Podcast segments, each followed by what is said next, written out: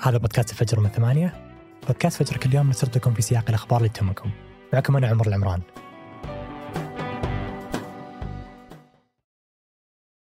قهوة الصباح وأجود محاصيل البن المختص تلاقيها في خطوة جمل.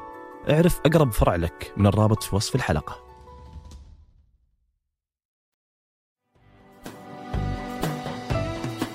قبل 82 يوم من اليوم وبأول ساعات السبت 15 أبريل صح سكان الخرطوم على أصوات اشتباكات وانفجارات بأكثر من مكان بالمدينة.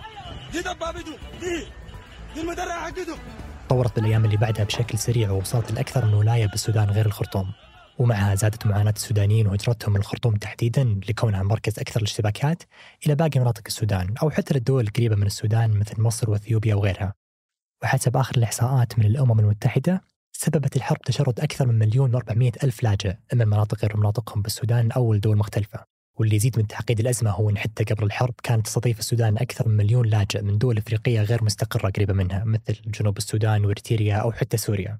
وعشان نتكلم أكثر عن هالأزمة بداية من نهاية حكم الرئيس عمر البشير قبل أكثر من أربع سنين إلى الخلاف الأخير بين أهم شخصيتين بالسودان حاليا عبد الفتاح البرهان وحميد تيو. وعلى التطورات الأخيرة بالحرب الأهلية بالسودان نستضيف اليوم الكاتب والباحث في الشأن السوداني غسان عثمان. يا أهلا وسهلا غسان. يا أهلا وسهلا. شكرا جزيلا على الاستضافة. أشكرك سيدي أشكرك. يعني لو بنحاول نفهم كيف وصل السودان للوضع الحالي بنحتاج نرجع لثورة 2018 اللي قدرت في أبريل 2019 بعد خمس شهور من بدايتها أنها تنهي حكم الرئيس عمر البشير بعد تقريبا 30 سنة من بداية حكمه. فوش كان سبب هالثورة بالضبط؟ قد يكون حديثي شوية غير مقبول. آه أنا عادة ما أقول بأنه آه الذي جرى في السودان في العام 64 والعام 85 والعام 2018 هو ما يمكن تشبيهه بانهيارات داخلية للنظام السياسي.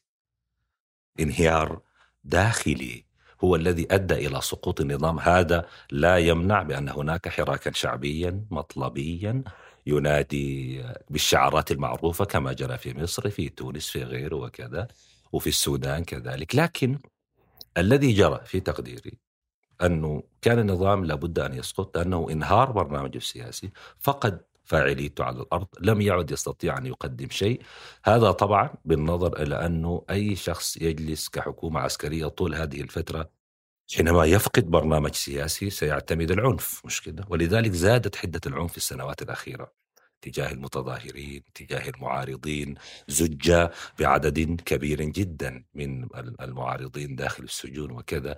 لذلك يعني هذا الأمر شبيه تماما ب 85 1985 شبيه تماما ب 1964 ما فيش فرق بالمناسبة. نعم يعني هو الحديث كذلك عن المحاولات السابقة صار في أكثر من محاولة غير هذه الثورة لكن هذه الوحيدة اللي نجحت. فوش اللي اختلف فيها؟ لا هو ما جرت محاولات للثورة شوف من الأشياء يعني الواجب التذكير بها أنه الناس اللي بتدرس حتى في العلوم السياسية يمكن تسميته بعلم الثورات وكذا مجازا طبعا يعني بيتحدثوا على أنه أنه آه هذا التراكم آه يؤدي في بطبيعة الحال في النهاية إلى حالة من حالات الانفجار وكذا يعني. وهذا الانفجار غير مراقب غير معروف ويمكن في أي لحظة أن تتدافع جموع من الناس وممكن في أي لحظة أن تتغير المعادلات السياسية والاجتماعية وكذا. الذي جد أعتقد في 2018 ببساطة كما قلت قبل قليل فقدان ما يمكن أن تقدم حكومة جلست 30 عام. بات هم الأمن الشخصي للفرد اللي موجود على رأس السلطة تأمين وجوده وكذا ببساطة ببساطة هذا انهيار داخلي في ظل أوضاع شديدة التعقيد امنيا سياسيا اقتصاديا وعسكريا وكذا وبالتالي آه، لحظة الانفجار لا يستطيع أحد أن يتنبأ بها يعني يعني ده تدافع إحنا في السوسيولوجيا معروف تماما أنه الظواهر الاجتماعية من هذا النوع لا تظهر فجأة نعم هي بنت التراكم لكن تنفجر فجأة شفت كيف؟ وبعد ما انتهى حكم البشير يعني وزال عن الحكم مين اللي بقى بالمشهد؟ تبقت اللجنة الأمنية التي تضم كبار القادة العسكريين وهم يمثلون الجيش وللعلم أنه كل الانتقالات الثورية اللي جرت في السودان كان الجيش شريك أصيل فيها. يعني في 64 الجيش كان مع القوى المدنية في 85 أعلن الراحل المشير سوار الذهب عبد الرحمن سوار الذهب انحيازه للشارع وكذا وهذا جرى في 2018 كذلك كبار القادة العسكريين والأمنيين أعلنوا أعلنوا انحيازهم يعني للشارع. بالجانب الآخر هناك القوى السياسية الأحزاب المعروفة الأحزاب الرئيسية القديمة والذي أنا وصفت بأن متهالكة البنى لأسباب موضوعية حتى لا نتهمها بأنها غير قادرة فقط يعني. بالإضافة إلى أجسام سياسية جديدة شبابية هي ناقمة على الأحزاب السياسية شاعرة بأن هذه الأحزاب لن تستطيع أن تلبي طموحها ومطالبها وكذا. والتكوين الثالث الذي يمكن نتحدث عنه الشارع العريض الشارع العام الذي هو ليس غير منتمي لجماعة سياسية وغير منتمي بطبيعة الحال للمؤسسة العسكرية. ونقدر نقول أن الدعم السريع كان ضمن كان ضمن المؤسسة العسكرية؟ القوة القوة نعم القوة اللي سميناها الجزء الأول ده المكون الأول اللي هو ما يسمى المكون العسكري كان يضم الجيش والأمن ويضم آه، آه، الدعم السريع. نعم. وبعد تكون مجلس السيادة برئاسة عبد الفتاح البرهان كان نائب محمد حمدان دوغلو أو اللي عادة يسمى حميدتي قائد قوات الدعم السريع واللي تقول بعض التقديرات إن عدد قواتها يوصل ل ألف اللي هي تقريبا أقل ب ألف بس من مجموع عدد القوات في الجيش السوداني كامل. فكيف صار في السودان في جيشين؟ وش كان ظروف تأسيس هالقوة؟ يعني ظروف تكوين هذه الجماعه في وقت كانت الحرب على أشدها في دارفور كانت الحكومة تقاتل الحركات المسلحة في دارفور وكان تكتيك هذه الحركات المسلحة ما يسمى بحروب الغوريلا يعني شيء يشبه الحروب التي جرت في أمريكا اللاتينية التي لا تعتمد التكتيك العسكري العلمي وإنما تعتمد الكر والفر والهجوم والسرعة وكذا يعني والانقضاض. فكان آه، آه، لمواجهة هذه الحركات داعي موضوعي وسياسي للحكومة السابقة مثلا بتاعت البشير أنه تكون هناك قوات تملك نفس التكتيك لمواجهة الحركات التي تحمل السلاح في دارفور ما يسمى الدعم السريع يمكن توصيفه بأنه هو شكل من أشكال التحالف القبلي آه، المستند على والذي انتهى إلى معنى أسري يعني أسرة واحدة داخل قبيل كبير وهو أسرة آل دقلو اللي هو يمثلها قائد عام هذا. وهل كانت بعد تأسيسها تابعة للحكومة ولا مستقلة؟ لا طابعة طابعة هي لم تكن مستقلة أبدا. وما فيش استقلال. أنا قلت لك من داخل البرلمان أصدر قانون. قانون الدعم قوات الدعم السريع. إذا هي هي جزء من المؤسسة الدستورية في ذلك الوقت. وكيف كانت تمول عملياتها؟ هل هي من الحكومة مثل الجيش؟ طبعا بطبيعة الحال في الوقت ذاك نعم هي ما في النهاية قوة مساندة للجيش. هي قوة مساندة للجيش. يعني تساند القوات المسلحة فبالتالي يسري عليها ما يسري على القوات المسلحة. وليش فضل بشير أنها تكون قوات منفصلة عن الجيش بدل ما يستثمر في تكبير الجيش واستخدامه؟ والله هو طبعا هو طبعا هو اللي بيسأل لكن النوع ده من من الأشكال موجود كثير جدا آه، تحت تسميات مختلفة. شفت إزاي؟ يعني مثلا دلوقتي في فرنسا في البوليس مش كده؟ لكن مع البوليس في ال elite forces يعني في حاجة اسمها قوات النخبة. مش كده؟ دي الآن شغالة في فرنسا في في المظاهرات الأخيرة. نفس الفكرة؟ آه يب... نعم تماما. يعني في النهاية هذا ليس بدعا. الأمر هذا ليس بدعا. هذا موجود. هذا موجود في السياسة يعني. آه ولو بنرجع للثورة في 2018 فوش كان موقف البرهان وحميدتي منها يوم صارت؟ يعني هم في النهاية انحازوا للشارع يعني. انحازوا للشارع. البرهان لم يكن على رأس لم يكن على رأس اللجنة الأمنية في ذلك الوقت. لم يكن على رأس اللجنة الأمنية كان على رأس اللجنة الأمنية شخص آخر يعني قائد عسكري آخر. لكن ال... الذي جرى إنه يعني الشارع طالب بعزله ثم أتى مكان البرهان. وهل نقدر نقول أن موقفهم بالذات هو اللي أنهى حكم البشير؟ آه، شوف آه، ثبت ثبت باليقين القاطع. أنه دول العالم الثالث من غير الممكن أن تجري فيها ثورات أو تحولات أو انتفاضات دون دور مركزي للمؤسسة العسكرية. ده بات كأنه قانون اجتماعي يعني قانون سياسي. ما فيش ما فيش. في أنا ذكرت لك في 64 كذلك انحاز الجيش. في 85 كذلك انحاز الجيش. في 2018 أيضا انحاز الجيش. وبعد الثورة كانوا مع بعض بقيادة المجلس العسكري وهالشيء نقدر نقول إنه يعني إنهم على وفاق صحيح؟ أي نعم أشوف آه، ببساطة ما كانش في خلاف أصلا بيناتهم. ما في خلاف. الخلاف فجرته قضية محددة ذات طابع فني وهي قضية دمج قوات الدعم السريع في الجيش. دي القضية. ليش ما قدروا الطرفين يتفقون على آلية تندمج فيها قوات الدعم السريع مع الجيش؟ لأنه جرى خلاف جرى خلاف جرى خلاف. اولا آه، بدأ التباين حول أنه ما المدة الكافية لدمج هذه القوات. ثانيا من هو المسؤول عن هذه القوات أثناء الدمج. فدي كلها يعني تكنيكال يعني كلها قضايا ذات طابع فني. إزاي شفتها؟ هي اللي دي قادت في النهاية إلى الاصطدام. بالمصادر كانت تقول أنه طرف هذه القوات التي تهاجم الجيش الآن ما يسمى قوات الدعم السريع تحدثت عن 20 سنة. مثلا في مصادر قالت ذلك يعني. قالت تحتاج إلى 20 عام للدمج. بعد شوية مش عارف مصادر أخرى قالت لا قالت تحتاج 10 سنوات. فمن هنا يعني تفجرت هذه الحرب.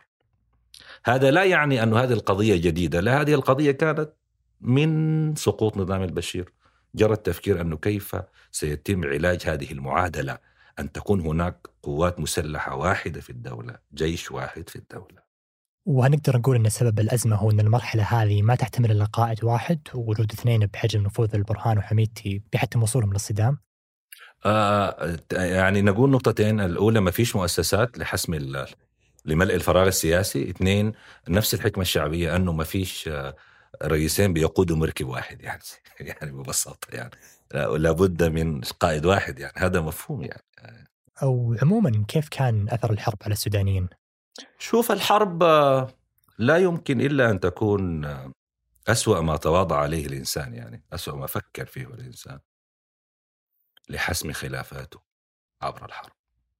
نحن بلد عانى معاناة طويلة جدا ولا زال يعني وظروف ظروف صعبة اقتصادية واجتماعية وكذا وأمنية. ثم جاءت هذه ال- الحرب لتزيد من معاناة السودان. نعم الضرر كبير. والضرر اقتصادي معيشي إنساني لعله لامس كل القطاعات. يعني أنت بتكون سيدي اطلعت على كيف يمكن وصف انهيار القطاع الصحي وانهيار القطاع التعليمي وانهيار القطاع المصرفي. مش كده؟ يعني ده كله بتكون اطلعت عليه يعني. ودي كلفة عالية جدا دي كلفة عالية صعب أنه نجد الكلمات المناسبة. حقيقة والله. وأنا هنا لا أتحدث بشكل عاطفي بل بشكل موضوعي.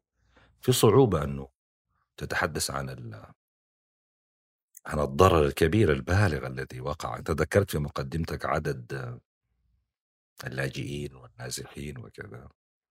آه، أنا أستخدم أيضا أحيانا تعبير الفارين يعني يعني من مكان النزاع وكذا. فالكلفة عالية جدا جدا جدا. وأعتقد أننا سنظل ندفع ثمنها لسنوات قادمة وهل يختلف الأثر بين الخرطوم وباقي المناطق؟ هو طبعا إذا تضررت الخرطوم تضرر كل السودان ببساطة شديدة السو- الخرطوم مركز ثقة للرئيس آه صحيح أنه الأوضاع في بقية ال- ما زي هي ما هي ما زي ما مصورة في الإعلام أنه يعني أنا كثير ما. لا أحب تعبير الحرب الأهلية أخوانا ما فيش حرب أهلية في السودان آه، الكلام ده غير صحيح. ده واحد. الحرب الأهلية عندها تعريف وش نقدر نسميها أكثر من حرب أهلية؟ آه لا لا ده, ده صراع عسكري بين طرفين يا سيدي. يعني تعبير حرب أهلية دي معناه الهوتو والتوتسي في رواندا. لأنه الحرب الأهلية بتفترض تقسيم ثنائي بين مجموعتين قبليتين أو مجموعات مجموعة A ضد B. لكن أنا بتكلم عن مؤسسة عسكرية فيها كل السودانيين يا سيدي. فإزاي يعني تكون مش ممكن مش كده. ما ممكن طبعا ولو رجعنا للحظه اللي انتهى فيها حكم البشير آه، كيف كان ممكن يكون المسار السليم للتحول من حكم البشير للحكم المدني المستقر؟ يعني إيش ممكن يكون المسار البديل؟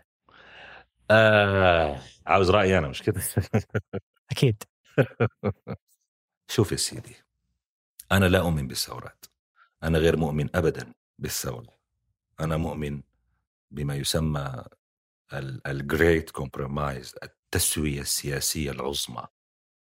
أنا مؤمن بأنه التسويات السياسية هي بالذات في دول العالم الثالث هي القادرة على تجاوز الحروب والعنف والقادرة على إيجاد صيغة معقولة للانتقال السياسي. السلس والمرن والأقل كلفة على مستوى الأرواح والبنى التحتية والاقتصاد.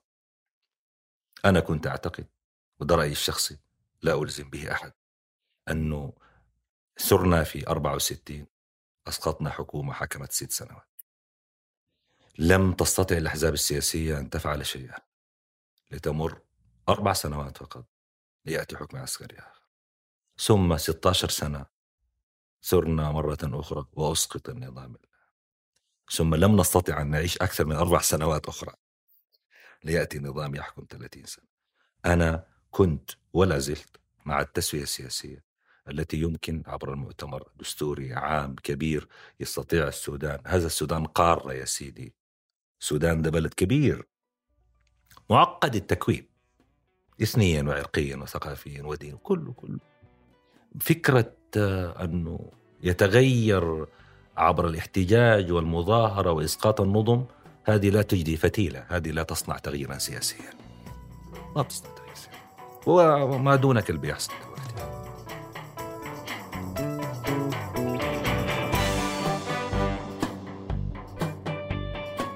أنتجت وقدمت هذه الحلقة أنا عمر العمران وحررها جميل عبد الأحد. أشوفكم فترة الأحد.